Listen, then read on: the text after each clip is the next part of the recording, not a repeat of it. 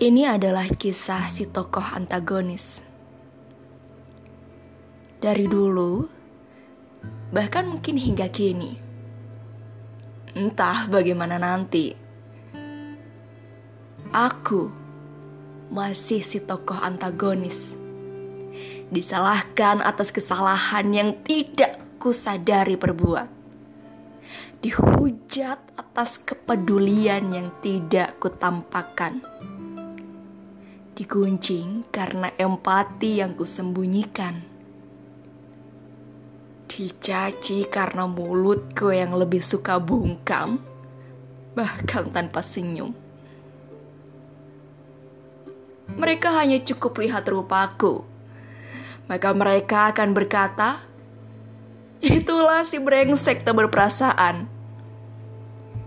Cukup hanya dengan melihat rupaku tidak penting untuk tahu pribadiku. Tapi, bukankah Tuhan Maha Melihat dan Maha Mengetahui? Iya, Tuhan tidak pernah tidur dan selalu mendengar.